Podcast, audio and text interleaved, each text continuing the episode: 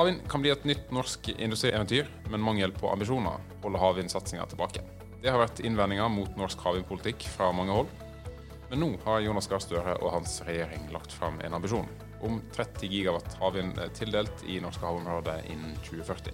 Betyr det at eventyret nå er på vei til å bli en realitet? Det skal vi snakke med Åslaug Haga og Rune Klausen om. Du lytter til Energi og teknologi, en podkast fra Agder Energi. Jeg heter Åslaug Haga og er daglig leder i Norvea. Norvea er en interesse- og bransjeorganisasjon for vindkraftnæringa. Vi jobber både med landvind og eh, havvind. Eh, nå om dagen blir det mye havvind. Og det er klart at det er virkelig den typen vind som har potensial for framtida. Men det er også viktig at vi kommer i gang igjen eh, på land for at vi skal greie å sikre anstendige priser på, til husholdningene og industrien i de nærmeste åra. Mitt navn er Rune Klausen. Jeg er leder for Fremtidens havvind, som er et eh, regionalt samhandlingsprosjekt eh, hvor eh, de to viktige klyngene i Agder, Node og Eide, står bak, sammen med NHO, universitetet og, og Næringsalliansen. Vi starta opp for et par år siden med å synliggjøre hele verdikjeden for havvind, for så å vise mulighetsrommet til leverandører. Det ser de. Vi har gått videre til å mappe dette opp for å se hvor kunnskapen eh, er, og knytte dette opp mot utbyggere. Dette er noen av de oppgavene eh, vi, vi jobber med, men det er for å fremme leverandørindustrien i Agder. Oslo Gaga, Vi snakka sammen eh, litt tidligere i vår. Da kalte du den norske havvindsatsinga for pinglete. Med en ny ambisjon om 30 gigawatt, så gjelder vel ikke en sånn beskrivelse lenger? Nei, og det er veldig bra at regjeringa har kommet ut. Den kunne selvsagt vært enda mer ambisiøs, men, men dette, er, dette, er, bra. Så nå gjelder det jo da at eh, man ikke sovner hen med et langsiktig mål, men at man jobber dag for dag for faktisk å, å komme dit.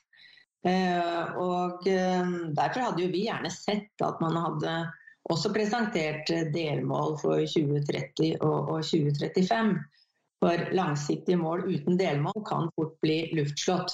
Men summa summarum så er vi veldig glad for at regjeringa har kommet med eh, denne ambisjonen.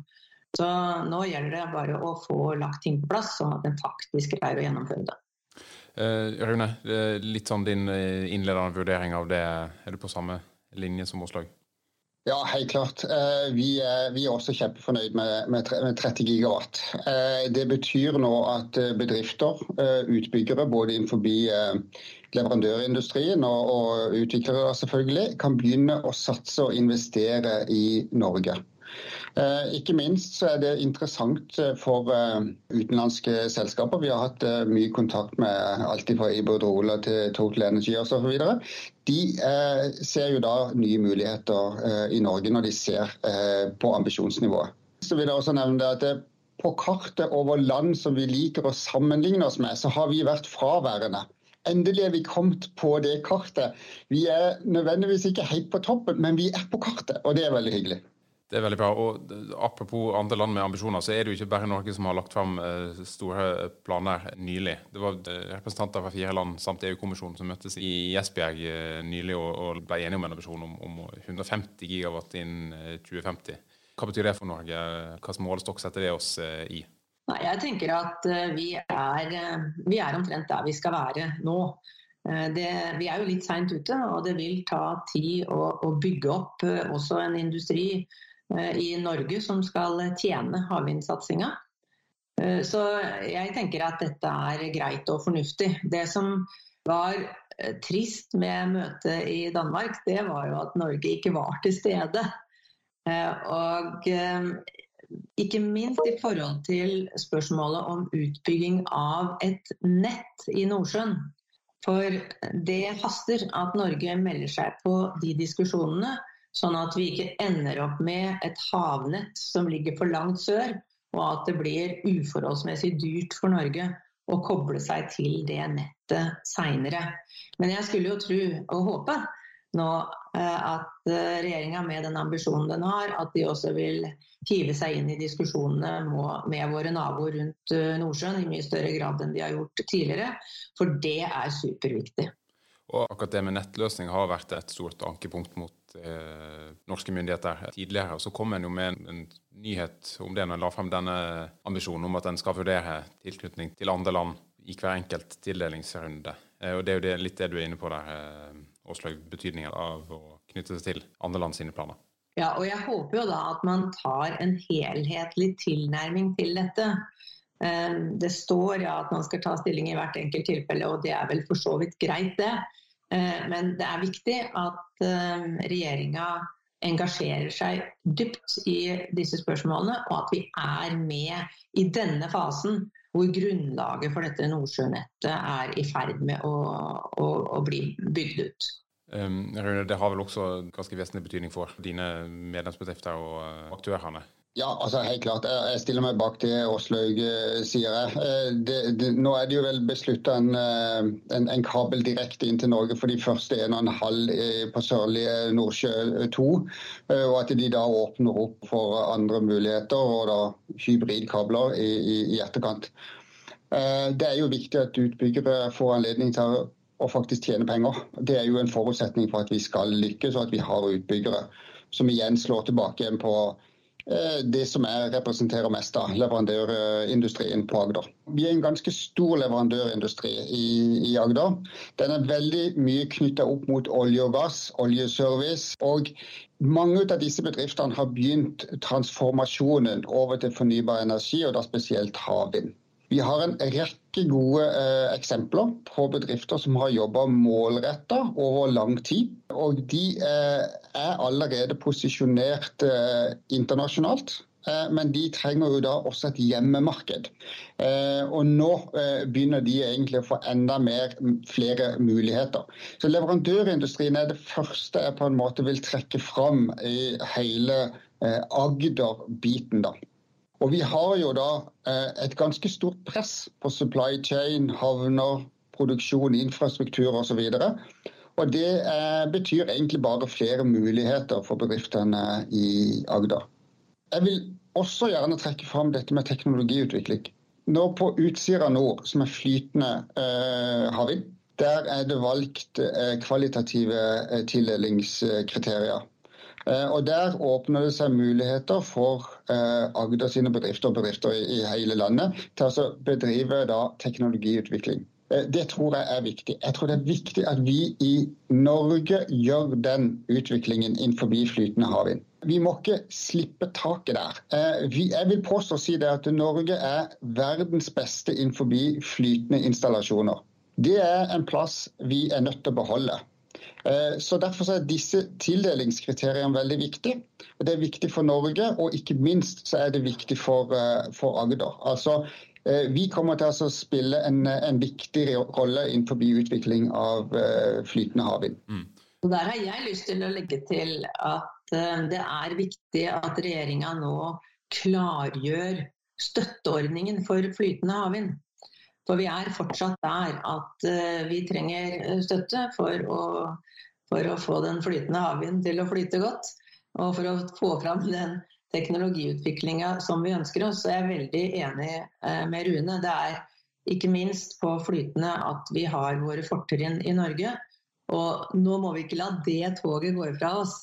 De lærde strides litt om toget har gått ifra oss helt og fullt når det gjelder bunnfast. Eh, men når det gjelder flytende, så har i hvert fall ikke toget gått enda. Men da må vi sørge for eh, at det ikke fyker av gårde fra perrongen før vi har greid å, å, å pare beina. Og det kan ikke være altfor komplisert å, å, komme opp med en fornuftig støtteordning.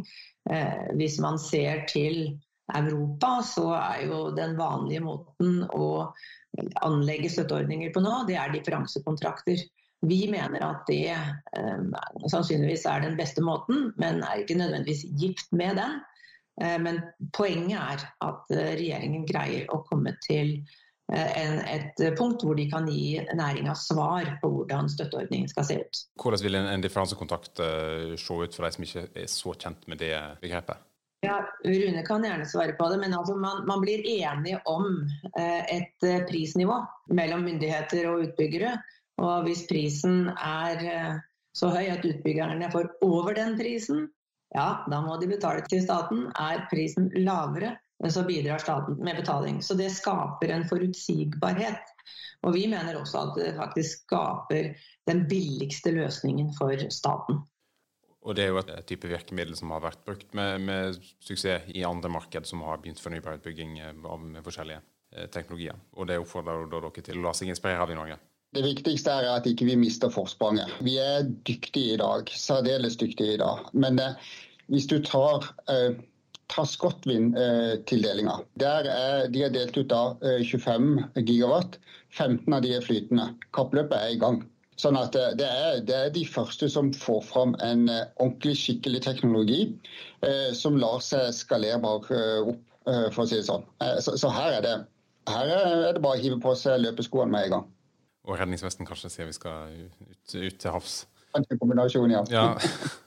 litt tilbake til det med tildelingskriterier, som jo er, er, viktig. Vi var inne på det med at på Utsira nord så har han sagt at det skal være kvalitative kriterier, mens på Sørlige Nordsjø 2, som er det andre feltet som er åpna i første omgang, så skal det være en uh, auksjon. Uh, hva tenker du om det, Åslaug, som, som prinsipp? Altså, mm, vi hadde håpa at man skulle hatt større grad av uh, kvalitative kriterier også på Sørlige Nordsjø 2. Eh, men la oss nå se hvordan dette kommer ut til slutt. Det er mange måter dette kan håndteres på. Eh, så eh, vi mener at regjeringa i større grad da burde ha lagt til grunn kvalitative kriterier både på bunnfast og på flytende. Nå er det klarlagt at det er kvalitative på flytende, så det er nå i, i hvert, fall, hvert, fall, bra. Men et, et viktig poeng oppi dette mener vi er at Eh, og jeg er interessert i å høre hva Rune sier om det, altså fra leverandørindustriens side. For det er at vi nå får en jevn utbyggingstakt. Altså det er kanskje viktigere enn mye annet. Eh, sånn at vi ikke får en ketsjup-effekt som vi hadde på land. Altså at vi hadde eh, det gikk lang tid, og så kom det plutselig veldig mye. Og så gikk det lang tid, og så ja. Så for at ikke minst leverandørindustrien skal kunne forberede seg skikkelig på disse store endringene som kommer til å komme, og de store mulighetene som ligger i det, så er vi opptatt av at du får den jevne utbyggingstakten. Fint at regjeringen sier at de skal åpne nye områder i, i 2025, men la det ikke komme i, i store hauger. La det komme jevnt. Sånn at både leverandørindustri, ikke minst leverandørindustri, men selvsagt også utbyggerne kan forholde seg til dette. Ja, og det, det, kan jeg bare bekrefte. Det er kjempeviktig. Det er, det er viktig med en jevn uh, tildeling, sånn at uh, bedriftene kan ta de nødvendige investeringene som, uh, som trengs. Eh, hvis du tar olje og gass, oljeservicebedrifter som har begynt transformeringen, så betyr det at de satser på at så og så mye av deres omsetning skal da være ut ifra fornybar eh, energi. Dette er store beslutninger å ta i et selskap. Eh, og det er en stor jobb å faktisk gjøre det. Og Da er det også viktig at det er vi si, nok der ute til at de faktisk kan leve av dette. Eh, for det er viktig. Går du opp og ned, så får du eh, år med dårlige resultater, så får du gode resultater. Alle som skal forholde seg til et styre, vet hvor vanskelig det er. Eh, det er nesten umulig. Så det er nødt til å være en, en jevn tildeling. Jeg tror jo også det at med, med, å få en jevn tildeling, sånn som vi har nå, så øker vi også mulighetene til å lykkes internasjonalt. For de som ikke har klart å komme ut enda, så tror jeg dette er vesentlig. Eh, fordi at eh, Hvis du henter kunnskap hjemme, du, du får noen gode referanseprosjekter osv., så, videre, så kan du bruke det internasjonalt. Og motsatt. For de bedriftene da som allerede har lykkes internasjonalt, så er det enklere å lykkes hjemme. Tildelingskriteriene vil jo også være i retning av at det kommer til å tvinges fram en norsk andel, local content på godt norsk. Og eh, eh, Det vil jo føre til at vi tvinger inn den eh, kunnskapen eh, i, i eh, Norge også. Og Jeg er også enig med Åslaug i dette med tildelingskriterier for Sørlig Nordsjø 2. Vi hadde også helst sett at det var kvalitativ eh, tildeling.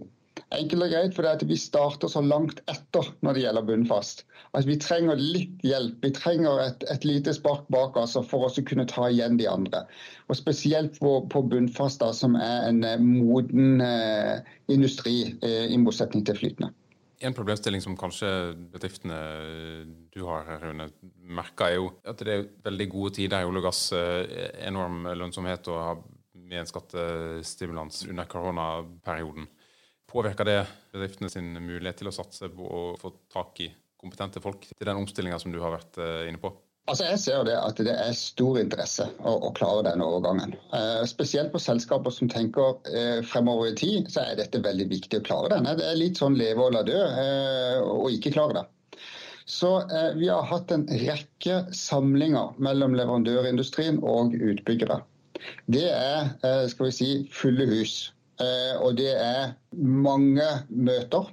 Det er mye ut av dette som begynner å bli ganske så konkret. Eh, det, kommer til å ende opp med gode kommersielle avtaler i, etterkant. Så jeg har det inntrykk da at eh, bedriftene ønsker denne overgangen.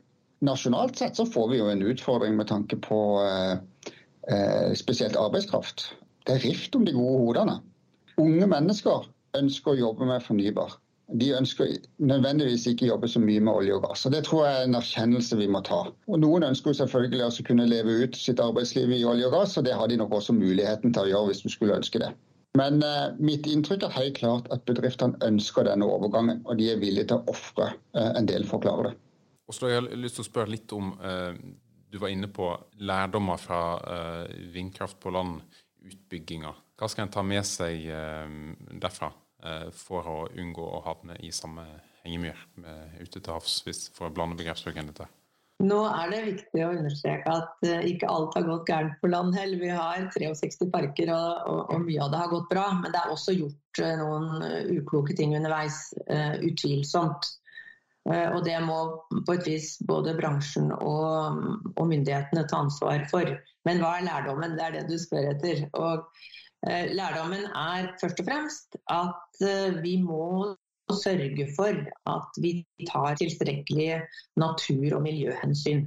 Eh, og Derfor har Norvea gått sammen med 13 andre organisasjoner og oppfordra Stortinget om å legge inn klare forventninger til hvordan vi skal håndtere natur og miljø når vi nå setter i gang en offensiv havvindsatsing.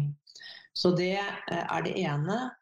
Og det andre er Det får litt ulike utslag på land og, og til havs. Men, men, det andre er at alle som har interesser, må snakke godt sammen.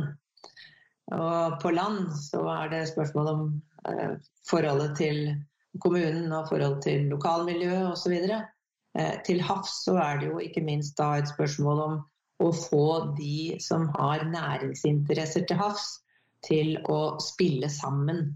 Og at vi sørger for at det er plass til alle interesser, og at vi, vi snakker sammen sånn at vi, vi, får plass til alle. Men også at alle erkjenner at ikke alle kan få akkurat alt som de vil hele tida. Og da snakker vi om at uh, havvind må, må tilpasse seg at det er viktige fiskeriinteresser i store deler av uh, de norske havområdene. Eh, at vi har en eksisterende olje- og gassvirksomhet der. At vi vet at havbruk drar seg lenger ut til havs. At vi vet at det sannsynligvis eh, kommer mineralutvinning eh, fram i tid. Og man har allerede sant, interesser som innen in skipsfart, og, og, Forsvaret har også sine interesser. Så vi må sørge for nå at alle parter snakker godt sammen så vi ikke får et backlash tilsvarende det vi har hatt på land.